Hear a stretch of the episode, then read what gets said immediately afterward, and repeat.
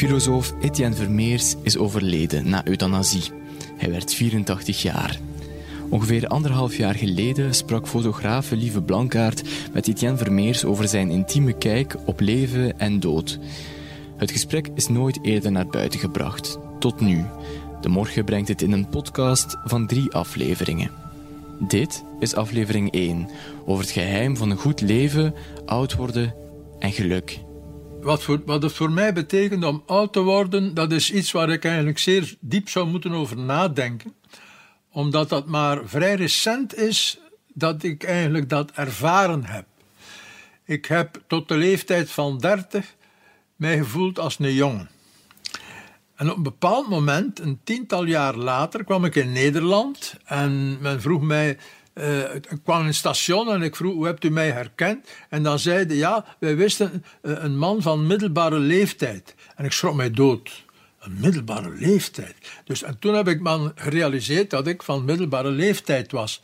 Maar dat ik een, ja, oud was, ja, dat is vrij recent. Een paar jaar geleden schreef uh, Hugo Kamps dat onze koning, dat was toen nog koning Albert, dat hij hoogbejaard was. En ik heb gezegd, Hugo, de man is jonger dan ik en ik voel me niet eens bejaard. En dus oud worden voor mij is vooral een kwestie van mentaliteit. Je hebt natuurlijk het nadeel dat je soms fysiek wat, het wat moeilijker hebt. Je hebt kwaaltjes al hier en kwaaltjes al daar. En dan heb je iets meer dan, dan anders dan vroeger. Hoewel, vroeger heb ik twee, al twee infarcten gehad, een viervoudige bypassoperatie en zo een beetje van alles. Een paar, paar, nog een paar operaties. Maar ja, je neemt dat erbij, tussendoor. Maar nu, de, als je een keer voorbij de tachtig bent, dan begin je zo nu en dan... Het, bijvoorbeeld het voornaamste, vervelendste, dat is dat het evenwichtssysteem verzwakt ik heb mij vaak afgevraagd hoe komt dat dat zoveel oude mensen vallen? En die is gevallen, zelfs Paus, Johannes Paulus was gevallen in zijn badkamer. En nu weet ik waarom dat is. Dat is omdat het evenwichtssysteem verzwakt is. En als je daar geen rekening mee houdt, dan zou je vallen. Maar ik ga nooit een trap afdalen zonder de leuning vast te houden. Dus ik weet dat. Ah, dus dat evenwichtssysteem is niet goed. En alle architecten die trappen maken zonder leuning, zouden allemaal moeten opnieuw hun studies herbeginnen. Men moet rekening houden met mensen die ouder beginnen te worden, dat het evenwichtssysteem verzwakt. Maar voor de rest is ouder worden voor mij geen enkel probleem. Ik voel mij even vitaal. Ja, concentratievermogen bijvoorbeeld. Aan één stuk kon ik vroeger drie, vier uur werken zonder ook maar te onderbreken. Nu moet ik om het anderhalf uur even onderbreken. Dus concentratievermogen is verzwakt. Maar voor de rest, eens dat je dat weet, neem je dat erbij. Want er zijn eh, jonge mensen die geen concentratievermogen hebben, die, die voortdurend naar iets anders zitten te kijken. Ook jongeren die aan het studeren zijn, in plaats van studeren kijken ze naar de vogels en zo verder. Dus het is iets van, van de mensen in het algemeen, maar bij mij komt het een beetje later. Maar dat is het enige nadeel. Dus ik voel mij nog altijd uh, enorm gedreven. Dus ik, ik sta nu op het punt, ik ben bezig met de voorbereiding van een boek. Dat zal dus hopelijk dit jaar moeten af zijn.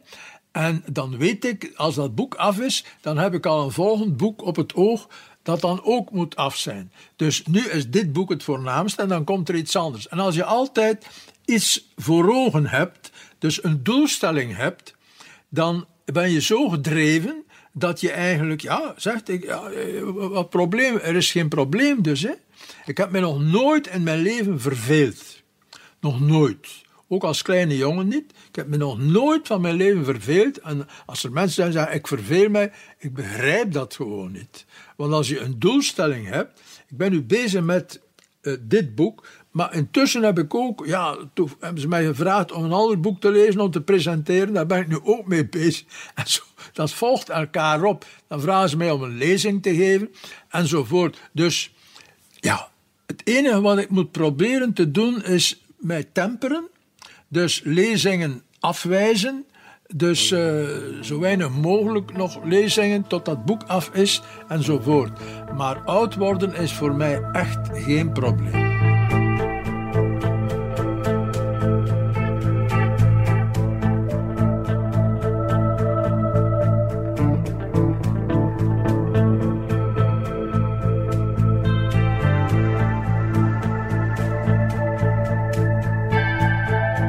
Het geheim is van een goed en lang leven, dat is een beetje veelzijdig. Hè? Ten eerste moet je je ouders goed kiezen. Dat wil dus zeggen, je moet een genetische aanleg hebben die in de goede richting gaat. Want je hebt mensen die nu eenmaal tegenslag hebben. Hè? Ja, mensen die uh, bijvoorbeeld uh, zware handicaps hebben. Ja, mensen die bijvoorbeeld. Ik heb een, een, gehad, een assistente, maar die had een juveniele diabetes. Wat, wat haar zeer, zeer sterk heeft afgeremd. Ik heb nu ook diabetes, maar dat is nu verbeterd met een vermageren. Dus dat is een ouderdomsdiabetes. Dat is, maar juveniele, jonge diabetes, dat is een heel serieus probleem. Die moeten heel hun leven opletten en op het juiste moment spuiten enzovoort. Dus dat is een handicap. En er zijn veel mensen die met allerlei handicaps geboren worden. Ik ben geboren met de handicap dat ik normalerwijze dus een hoge bloeddruk heb uh, hoog cholesterolgehalte en dus normalerwijze rond de leeftijd van 50, 60 jaar moet sterven door een hartaanval of een hersenbloeding. Maar door de hedendaagse medicatie is dat probleem in een belangrijke mate teruggedrongen. En daardoor ben ik, heb ik langer geleefd dan bijvoorbeeld mijn grootvader van vaderszijde, mijn grootmoeder van vaderszijde enzovoort. Die zijn allemaal tussen 50 en 60 gestorven. En die oudere broers van mijn vader ook. Maar mijn vader heeft nog de eerste medicatie kunnen hebben. Dus het eerste van, om dus ja, goed oud te worden, dat is dat je een behoorlijke aanleg hebt. Ten tweede, je moet geen stommiteiten doen. Hè? Je moet niet, veronderstel dat je hebt begonnen met, met roken, dan moet je op tijd zeggen, ik stop met roken. Hè? Je moet ook, eh, als je te veel drinkt, moet je zeggen, ik stop met te veel te drinken. En zo zijn er nog een aantal zaken. Je moet zien dat je een behoorlijke gevarieerde voeding hebt enzovoort. Dat je toch een, nogal wat uh, lichaamsoefening hebt. Dus er zijn een aantal zaken uh, die je moet voor je gezondheid, uh, dus in het leven roepen of ja, zo lang mogelijk proberen vol te houden. Maar dan is het belangrijkste dat je doelstellingen hebt. Voor je mentaal uh, voor je mentaal, mentale gezondheid en mentaal jong blijven, dat is doelstellingen hebben. Dus je moet, en geen doelstellingen zijn, ik moet een doelstelling. Nee, nee. Het moet een beetje van binnenuit komen. Je moet zien welke belangstellingssfeer je hebt. En in die belangstellingssfeer moet je zijn, ik wil dit, iets doen op dat vlak. Ik wil op dat vlak iets proberen te realiseren. En als je dat dan hebt, als je dan iets gerealiseerd hebt, dan moet je daar niet bij stilstaan en zeggen het is nu gedaan. Nee, je moet proberen iets nieuws te realiseren. En zo gaat dat altijd verder.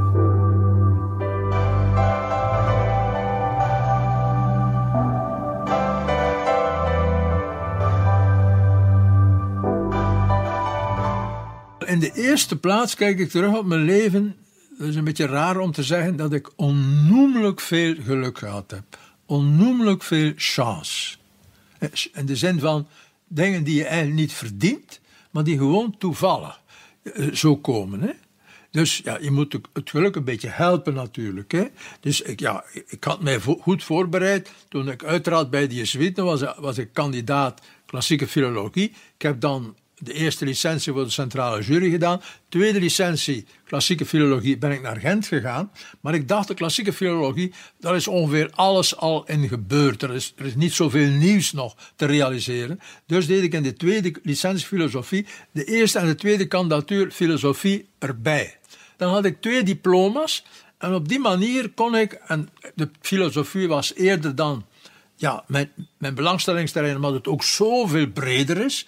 Je kunt richting kennisleer uitgaan, je kunt richting ethiek uitgaan, je kunt richting geschiedenis van de filosofie uitgaan. Enfin, kunstfilosofie, er is van alles. Dus er is een waaier van mogelijkheden, terwijl de klassieke filologie heel interessant, maar beperkt tot de Griekse en de Latijnse literatuur. Meer is dat niet. En de Griekse en Latijnse literatuur die groeit niet aan, die ligt daar, definitief. Je kunt alleen maar verder daarin lezen en nieuwe dingen daarin zoeken. Ja, uh, uh, wat, wat, wat zijn de vingers bijvoorbeeld bij Vergilius? Wanneer spreekt hij over de vingers bij Vergilius? Ja, je kunt zo blijven gaan. Hè? Wat is het haar bij Vergilius?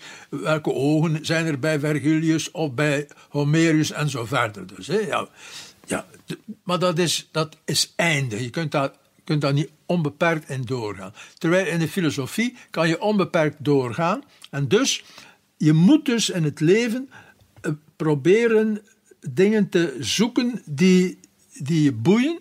En waar je dan ja, je, je, je leven kunt van maken. Maar je moet daarin geluk hebben. Ik had dus dat werk gedaan. Ik, ik was klaar bijna met mijn doctoraat. En een prof stierf. Dus ik kon hem onmiddellijk opvolgen. Ik moest nog even mijn doctoraat, een jaar aan mijn doctoraat werken. En ik kon, die, ik kon, ik kon dus prof worden op 33 jaar, l'âge du Christ, de leeftijd waar Jezus gestorven is. Kon ik prof worden, maar gewoon hoogleraar.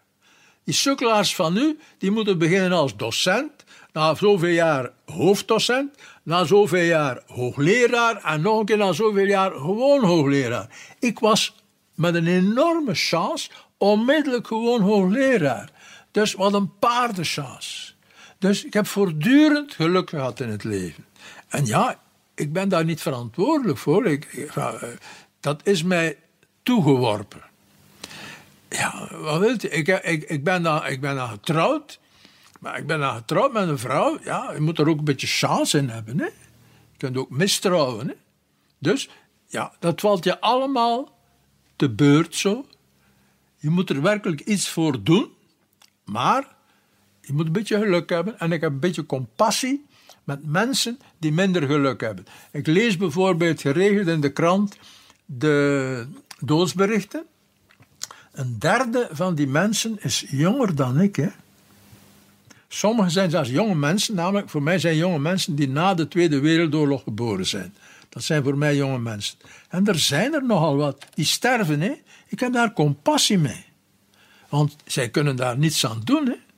Ik heb daar compassie mee. Dus je moet een beetje geluk hebben, maar je moet het geluk ook helpen. Je moet dus de, ik heb op een bepaald moment eventjes gerookt en op een bepaald moment gezegd, stop, gedaan. Uh, ik heb op een bepaald moment iets te veel gedronken. En ik heb dan gezegd, stop, niet meer zoveel drinken. Een beetje, nu en dan eens een maand helemaal niets drinken. Enzovoort. Hè.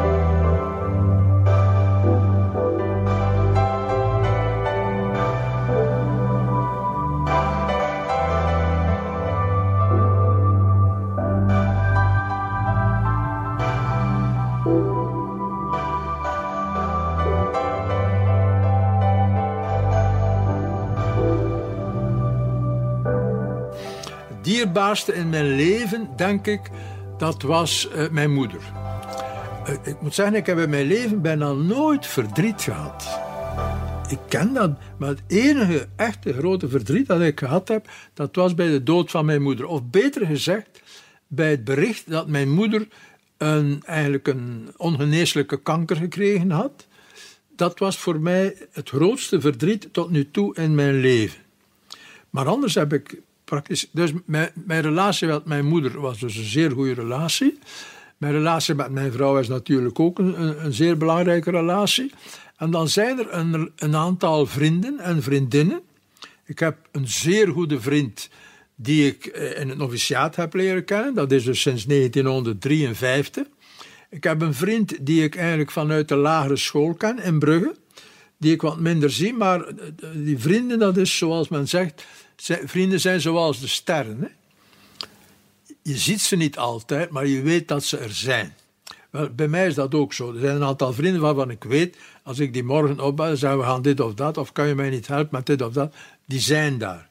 Maar om eerlijk te zijn, ik heb nog meer vriendinnen dan vrienden. Ik heb het nogal voor vriendinnen. En uh, dus dat, dat is voor mij een zeer grote vreugde in mijn leven, dat er, hoewel ik dat misschien niet verdien, dat er een aantal mensen zijn die mij graag zien. Dat doet mij enorm veel genoegen. Want zij geven je dat, hè? Je hebt daar geen recht op. Ze geven je dat, dat ze je graag zien. En je weet, je merkt dat dus. Hè? Je, dat is geen komedie. Je merkt, als je, als, als je bevriend bent met iemand sinds de lagere school, of je bent bevriend sinds 1953, mijn beste vriendin, dat is van 1960. Dus dat, dat je weet, dit is van blijvende aard. Hè? Daar ben ik wel heel dankbaar voor. Nu, wat mij in mijn leven uh, het meest dierbaar geweest is, dat is mijn strijd voor uh, euthanasie. Ik heb dus in 1971 voor het eerst op de tv gepleit voor euthanasie in een debat, onder andere met aan mijn kant uh, dokter Clara, professor Clara, die al lang overleden is. En ik heb dus het geluk gehad datgene wat ik toen voorstelde op het gebied van euthanasie, dat dat nog in mijn leven gerealiseerd is. Tijdens mijn leven. En dat ik daar een serieuze bijdrage heb kunnen leveren, namelijk als voorzitter van de commissie die die, die wet eigenlijk heeft voorbereid. Dus die, in het Raadgevend Comité voor Bioethiek, hebben ook in het parlement daarover kunnen, daarvoor kunnen pleiten en zo. En ik denk dat dat uh, het resultaat is uh, waar ik in mijn leven het meest belang aan hecht. Dat is mij het dierbaarste van wat ik in mijn leven gedaan heb.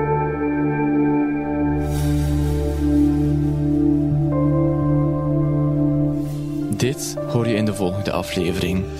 Ik wou dus graag een hartaanval hebben, maar onmiddellijk gedaan. Dus, hè? Pats gedaan.